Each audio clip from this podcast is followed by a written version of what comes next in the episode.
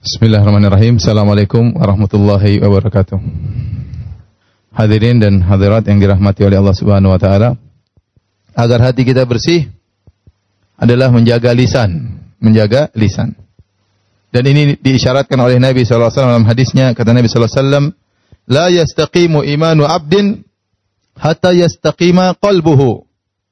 Tidaklah akan lurus iman seorang hamba sampai lurus hatinya wala yastaqimu qalbuhu hatta yastaqima lisanuhu.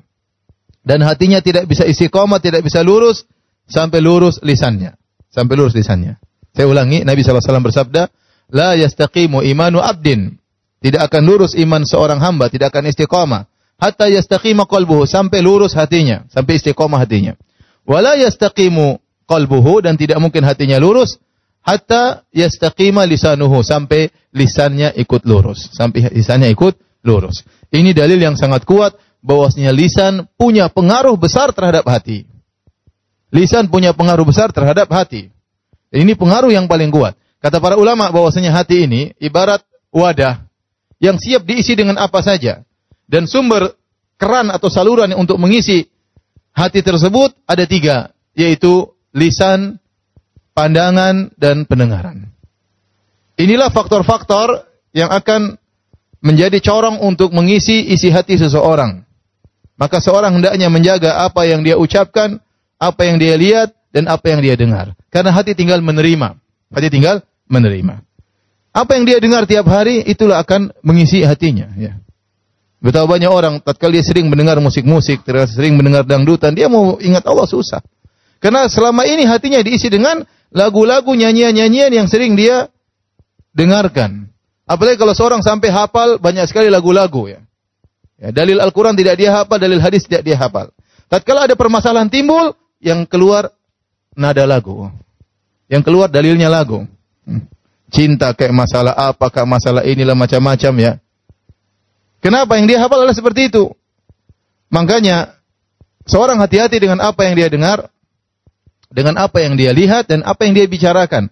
Karena itulah yang mengisi hatinya. Dan saya katakan ini sangat penting kenapa? Terutama tatkala kita sakratul maut.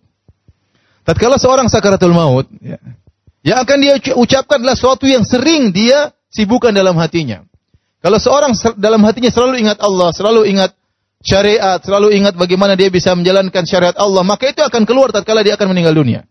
Tetapi kalau seorang yang dia selalu ucapkan, dia pikirkan dunia, dunia, dunia, dunia, lagu dan ini dan macam-macam, maka itu akan keluar tatkala dia mau meninggal dunia. Susah hatinya akan berkhianat menjelang dia meninggal dunia.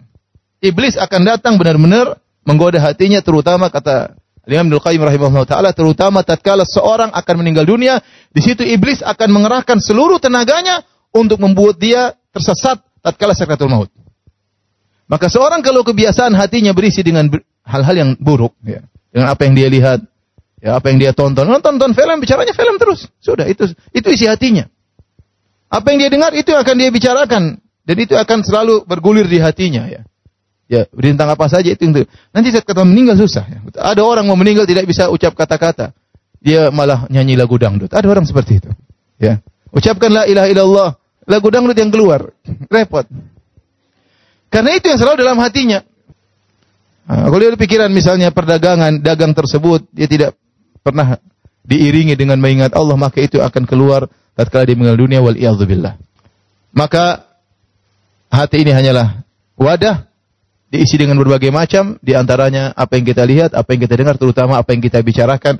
Maka benar sabda Nabi SAW, tidak akan lurus iman seorang hamba sampai lurus hatinya dan tidak mungkin lurus hatinya sampai lurus lisannya. Lurus lisannya. Dari sini hati-hati apa yang kita bicarakan. Topik yang kita bicarakan harus terarah. Tidak boleh kita bicara sembarangan. Jauhkan diri dari namimah, dari ghibah, dari membicarakan kejelekan orang lain. Kemudian hati-hati dalam apa yang kita tulis. Karena para ulama mengatakan apa yang kita tulis hukumnya dengan apa yang kita bicarakan. Ya. Tulisan hukumnya sama dengan lisan. Maka berhati-hati. Tatkala menulis status, tatkala komentar, tatkala menulis sesuatu di Instagram misalnya, di medsos, hati-hati. Pilih kata-kata. Karena itulah sangat berpengaruh dengan hati seseorang. Dalam hadis yang lain kata Nabi sallallahu alaihi wasallam, "Idza asbaha ibnu Adam fa innal a'dha kulluha tukaffirul lisan." Jika tiba di pagi hari maka seluruh anggota tubuh manusia akan berbicara kepada lisan, mengeluh kepada lisan. Apa kata Fatakul berkata anggota tubuh yang lain, Ittaqillah fina. Wahai lisan bertakwalah kepada Allah untuk kami. Fa innama nahnu bika. Sungguhnya kami anggota tubuh yang lain hanya ikut engkau wahai lisan. Fa in istaqamta istaqamna. Kalau kau lurus wahai lisan kami ikut lurus. Wa ini awajajta eh awajajna. Kalau kau bengkok maka kami juga ikut bengkok. Ini dalil uh, menunjukkan bahwasanya lisan pengaruhnya luar biasa dalam kelurusan hati seseorang. Kemudian hati-hati dalam apa yang kita tulis. Dalam grup ya. Kalau nulis pilih kata-kata ya. Nulis pilih kata-kata. Jangan ikuti perasaan ya. Kemudian kalau menyampaikan sesuatu juga pilih kata-kata. Berbicara sama orang pilih kata-kata. Jangan menyinggung dia, jangan merendahkan dia, jangan menghinakan dia.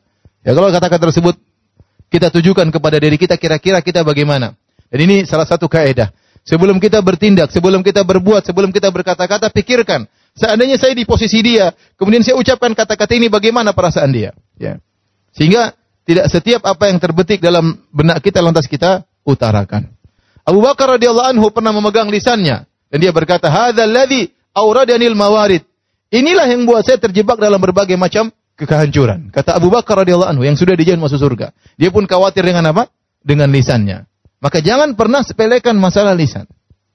Anda menjadi lurus dengan lurusnya lisan Anda, Anda jadi bengkok dengan bengkoknya lisan. Maka kita lihat seorang yang baik, biasanya dia jaga lisannya. Orang yang akhlaknya baik, dia jaga lisannya. Orang di apa namanya ibadahnya baik, biasanya dia jaga lisannya. Tapi kalau dia ngomong ceplos-ceplos ya, kemudian tidak dipikirkan apa yang dia ucapkan, maka akan berpengaruh pada anggota tubuh yang lain terutama hatinya.